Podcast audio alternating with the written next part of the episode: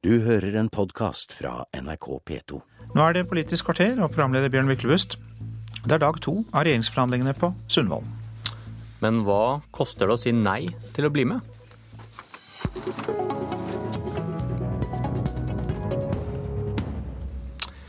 Venstre og KrF sa nei. Nå skal Høyre og Fremskrittspartiet fordele departementene mellom seg. Miljøvernminister Bård Vegar Solhjell, hvem ønsker du å gi nøkkelkortet ditt til? Det skal Erna Solberg få lov til å bestemme helt uten at jeg eh, blander meg inn i det. Men det er klart, for hvis du skulle isolert seg på miljøpolitikken, så hadde det vært en fordel om det satt i hvert fall ett uh, miljøparti i regjering. Det hadde f.eks. vært en fordel antageligvis for miljøpolitikken om Venstre og KrF gikk med. Selv om jeg har veldig lett for å forstå valget om at de ikke vil sitte i regjering med Fremskrittspartiet. Hva mener du det betyr å ha statsråden i Miljøverndepartementet? Jeg mener det er veldig avgjørende. Det er klart, Noe kan man oppnå en sånn avtale. For så har Venstre og KrF prioritert olje veldig høyt og oppnådd en veldig god avtale. Viderefører eh, de områdene som vi ikke åpner for oljeboring, som den rød-grønne allerede eh, der har sagt nei til. Men det betyr masse, særlig fordi en rekke avgjørelser fattes i det departementet. Alt fra eh, at man legger frem klimameldinger, forvaltningsplaner for havområdene der åpne områder med oljeboring er inne, til avgjørelser om strandsone, gruveutbygging, eh, rovdyr, all den typen ting. Men så er det også sånn at eh, Miljøverndepartementet konstant ligger i diskusjon med en rekke interesser i samfunnet. Og Det å være på innsida av de diskusjonene vil ha stor betydning. En regjering kan òg gjøre endringer, f.eks. svekke Miljøverndepartementets makt, eh, som gjør at eh, miljøinteressen vil stå igjen svakere i samfunnet. Og Jeg frykter nok at en Høyre-Fremskrittsparti-regjering ganske kraftig kan svekke miljøpolitikken i Norge. Hadde du hatt noe imot å gi nøkkelen til Ola Elvestuen? Jeg har inntrykk av han som en dyktig politiker, og jeg vet jo at Venstre har et uh, miljøengasjement. Så både Venstre og KrF ville vil selvsagt betydd at partier som legger større vekt på miljøhensyn enn de som er inne i dag. Altså det, som, det som kjennetegner et miljøparti, er at i de avveiningene man hele tiden tar, så setter man gjennomgående miljø først. og Det er det SV har gjort mens vi har sittet i regjering. Nestleder i Venstre, Ola Elvestuen. Er du like bekymret som Solhjell for at det kommer nå en miljøvernminister fra Høyre eller Frp? Du, Venstre søker definitivt makt, og vi har også foretatt sonderinger for å se om det var mulig å ha en eh, regjering med fire partier. Det viste seg å være et eh, for stort eh, steg. Nå mener vi at vi har et veldig godt utgangspunkt i den samarbeidsavtalen som vi har underskrevet. Men jeg er selvfølgelig klar over at miljøarbeid å få en bedre klimapolitikk er et kontinuerlig arbeid som vi må bruke også vår posisjon i Stortinget for å oppnå. Jeg spørre deg, da, Hvem ønsker du deg i det departementet? Du, Det har ikke jeg noe, noe, eget ønske om. Jeg skal ikke komme ut med det. Her sånn er det politikken som eh, avgjør. Og vi vil selvfølgelig følge med på å bruke den posisjonen som vi har for å oppnå resultat. Dere har laget en samarbeidsavtale hvor det står en del formuleringer om miljø og energi. Hva betyr det, mener du? Hva slags føringer legger det på den regjeringen som, eh, som blir dannet nå? Dette er en tydelig politisk forpliktelse mellom eh, fire partier. Det er selvfølgelig en avgjørelse innenfor eh, Lofoten, Vesterålen og Senja. Det er en tydelig forpliktelse om at vi skal føre en mer offensiv klimapolitikk enn det klimaforliket tilsier. Og At vi skal også ha en større satsing på kollektivtrafikk, jernbane, kollektivtrafikk i de store byene enn Nasjonal transportplan legger opp til. Og Så fastslår den også at naturmangfoldloven, som jo er avgjørende i mange av disse enkeltsakene, eh, skal gjelde og følges. Solhjell, hva er f.eks. setningen 'utbyggingen av fornybar energi må økes', som står i denne avtalen, verdt for Ola Elvestuen? Altså Min erfaring fra regjeringssamarbeid gjennom mange år er at sånne generelle setninger de har vært tilnærmet null når det kommer til stykket. Uh, og er, uh, Avtalen er god på olje, men for øvrig prega av sånne setninger på en rekke felter. Kollektivtrafikken i storbyene skal styrkes en annen. Problemet er at det står ingenting om hva det faktisk betyr. Det står ingenting om hvor mye penger, og det står ingenting om når. Og for når vi forhandla klimaforlik, Elvestuen sitt parti og SV og andre, så var det veldig mange av punktene som hadde sånne nøyaktige angivelser. Og Det er fordi miljø skal konkurrere med en rekke andre hensyn. Men det er fordi at jeg tror nok at Høyre og Fremskrittspartiet kommer til å tenke sånn at nå skal, kommer de til å prioritere sine ting i regjering, og så får det være opp til Venstre ned i Stortinget å slåss inn de der miljøtingene når, når, de kommer ned dit. Så Jeg tror at uh, de vil få lite igjen for mange av de andre tingene. Og så ser jeg jo at veldig mange av de klassiske naturvernområdene er helt utelatt fra avtalen. Det er nok der jeg tror Høyre og Fremskrittspartiet vil ha sterkest planer om å svekke miljøpolitikken. Hvert null Elvestuen, disse formuleringene? Du, Nå er dette en politisk forpliktende avtale mellom fire partier. Eh, vi mener at dette er et veldig godt utgangspunkt. Eh, og det er selvfølgelig resultatene Eh, når stortingsperioden er over, som kommer til å avgjøre, og som vi skal måles etter. Eh, SV har jo hatt store problemer i regjering med å få gjennomslag for sin miljøpolitikk, ikke minst innenfor klimapolitikken, som jo har stått stort sett stille de siste åtte årene.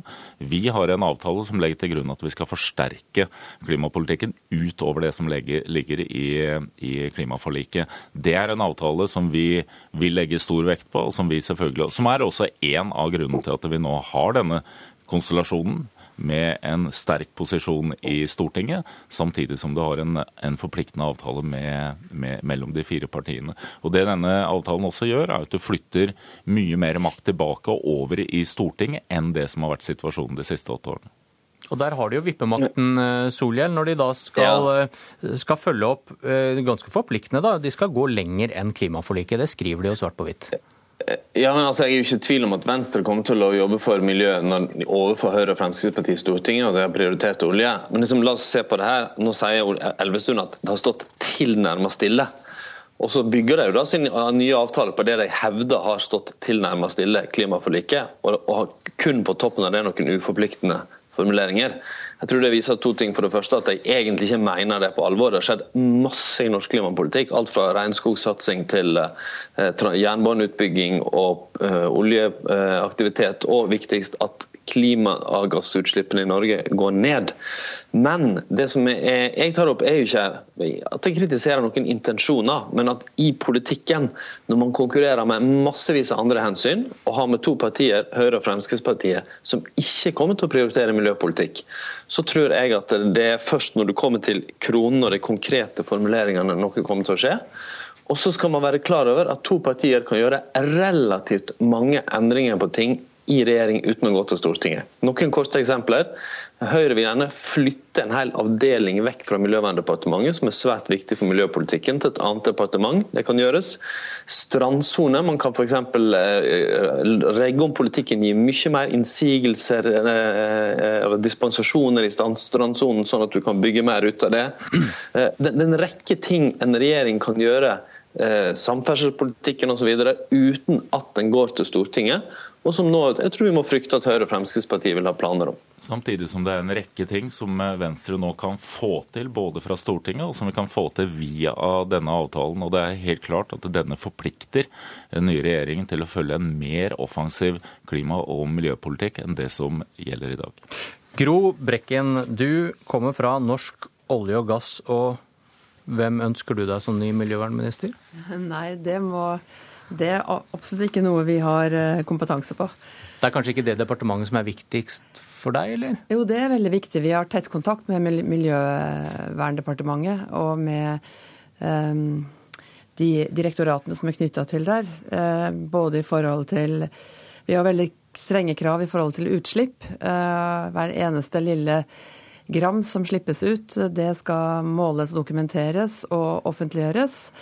Eh, både til luft og til sjø. Eh, og vi har ambisiøse mål for eh, reduksjon av, av utslipp av CO2, som vi også har tett samarbeid med Miljøverndepartementet om. Du har vært misfornøyd. Vi hørte deg i går.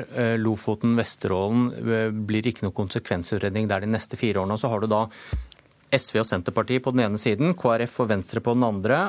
Og dette området blir effektivt blokket uansett hvem som vinner valget i Norge. Ser du noen ende på det? Altså, jeg er bekymra for uh, Først er jeg skuffa fordi Fremskrittspartiet og Høyre var så tydelige på at de ønska å fullføre den kunnskapsinnhentingen som har vært gjort av den regjeringen vi nå har, til en konsekvensutredning. Og få avklart det som viste seg å være den største utfordringen. Det er på en måte forholdet til fiskeriene i Lofoten, Vesterålen eh, særlig, som pågår hele året. Eh, og vi mener at gjennom en konsekvensutredning så kunne man få avklart på hvilken måte og hvilke rammer man eventuelt skulle legge for en oljevirksomhet hvis man skulle ha, og så ta en beslutning. Og den kunnskapen får man nå ikke frem. Fordi man har altså latt de to små partiene, Venstre og Kristelig Folkeparti, som ikke har noen mandater i det hele tatt i Nord-Norge, få bestemme fremtida til, til, særlig til Nordland fylke og mulighetene der. Men er Lofoten og Vesterålen så viktig for oljeindustrien? Det er jo gjort enorme funn andre steder. Ja, det er jo ikke, det er jo ikke Altså Olje- og gassindustrien er jo på en måte funnene, og så er det, så er det oljeindustrien. Norske myndigheter har jo klart noe som ingen andre land har klart med sånne ressurser. De har klart å få å utvikle en industri, en livskraftig og teknologidrivende industri, som er kjempeavansert og veldig stor og verdensledende. Norsk sokkel er verdensledende på offshore i eh, og den ledertrøya det er liksom ikke noe som vi fortsetter å ha. Vi må, hvis vi ikke har nye utfordringer å bryne oss på hele tiden. Eh, og vi mener at dette her kan ha betydning for norsk sokkel sin konkurransekraft på sikt. Pluss at eh, når det vi snakker om er jo tida mellom 2025-2030, eh, når vi vet at det vil være eh, plass i infrastrukturen på gass f.eks., og det vil være behov for mer olje og gass. Og vi må av klimahensyn være i stand til å love Europa mer naturgass, slik at det ikke bare blir sittende igjen med kull. Ola Elvestuen, du kan vel berolige Brekken med at oljeutvinningstempoet kommer til å dure på som det har gjort. For dette står det ingenting om i samarbeidsavtalen. Nei, Det som vi har eh, her sånn er en helt ty tydelig avtale for at vi ikke skal ha konsekvensutrede med Lofoten, Vesterålen og Senja. Og den tar også med seg at det ikke skal være petroleumsaktivitet på andre områder, Mørefeltene, Jan Mayen, iskanten, Skagerrak. Eh, så der er, der er for, forpliktelsen. Men dere har, er... fått, dere har, ikke fått, inn noen forpliktelse om at uh, oljealderen skal uh, se sin sol solnedgang snart? At vi har en sterk oljeindustri og petroleumsindustri i Norge. Det har vi, og det kommer vi til å ha i mange år eh, framover. Her sånn er jo den viktige forpliktelsen som ligger i avtalen, gjelder jo den forsterka klimapolitikken som vi skal eh, føre, som også vil ha konsekvenser for eh, oljeindustrien. Og så er vi jo i en internasjonal situasjon hvor ikke bare Norge, men verden må ta på alvor den, den globale oppformingen som vi står overfor. Og det vil skje endringer også internasjonalt i åra framover hvis vi skal ha noen som som helst mulighet for å nå det togradersmålet som ligger til grunn. Når vi nå sier så tydelig klart nei på Lofoten og Senja, så er ikke vi fornøyd med denne avtalen. Fra Venstre vi ønsker et varig vern av områdene utenfor Lofoten og Senja. Og så er jo det selvfølgelig fordi dette er den siste robuste torskestammen i verden. Det er et helt unikt havområde. Nærmere 4% av fiskeriressursene internasjonalt gyter i dette området. Og det ville være helt feil å gå inn med oljeaktivitet her.